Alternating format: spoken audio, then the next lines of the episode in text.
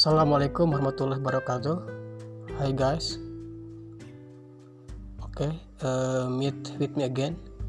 Uh, at this time, I would like to share about uh, socio-pragmatics and pragma-linguistic competence.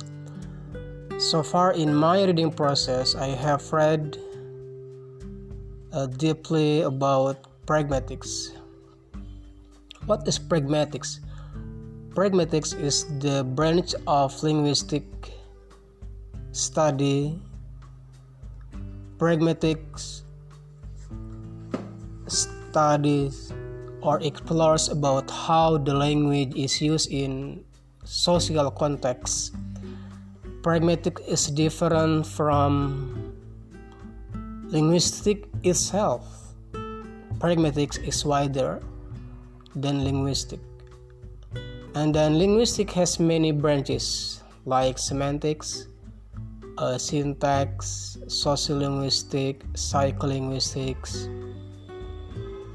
and pragmatics is wider field or branch of linguistic.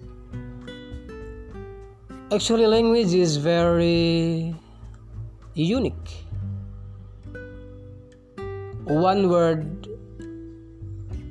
has different meanings if it is combined with two words. The same word has different meanings. The same word has different meanings, different on the context. What I mean is, pragmatics, we use it in more social or contextual context. There are two competence in pragmatics. It is uh, socio-pragmatic competence and pragma-linguistic competence. What is pragma-linguistic competence? Pragma-linguistic competence is how someone can make an expression or speech act what words they use what linguistic feature they use. And it is related with linguistic use or language use. For example when we would like to greet someone what are the words we need? When we would like to thank someone what kind of expressions that contains specific words to thank you? For example when we would like to thank someone we can use thank you we can use thank you very much thanks a lot or maybe thanks so it is pragma-linguistic competence. And what is socio-pragmatic competence? Socio-pragmatic competence is the way how someone use or make expressions based on the social or the norms context. This socio-pragmatic competence relates with how someone can understand to use such expression in a social life. For example, in in bahasa Indonesia,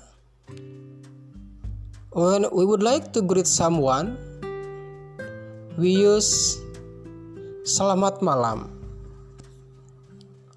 We use selamat malam expressions when we meet with someone at night and also when we want to say goodbye at night. For example, selamat malam saudara-saudara. And for example again, selamat malam sampai jumpa. But in English versions, we do not use good night, for example, when we meet with someone. We use good night when we would like to say goodbye at night. But when we meet someone at night, we use good evening.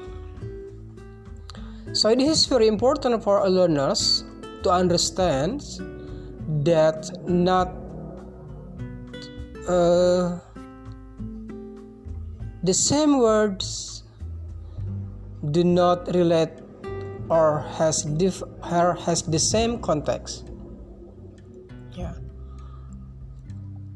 This pragmatic competence is still ignored, in my opinion, in Indonesian English curriculum or even in textbooks use of English in Indonesia. Many textbooks still discusses or explores only about discourse or genre analysis. However, in the curriculum, it is stated that the goal is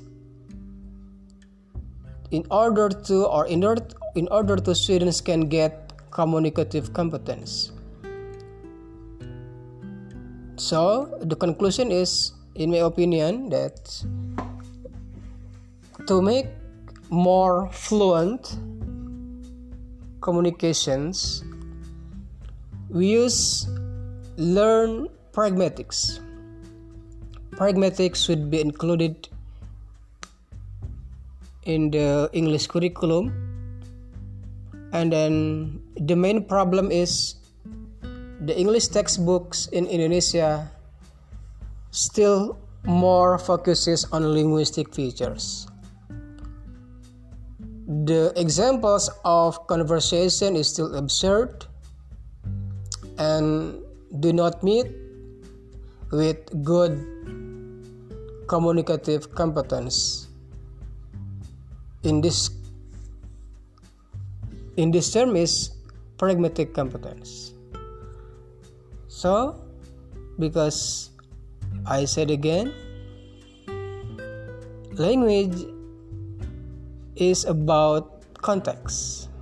Language, the most important thing is about context, not only about linguistic or the choice of words. Thank you.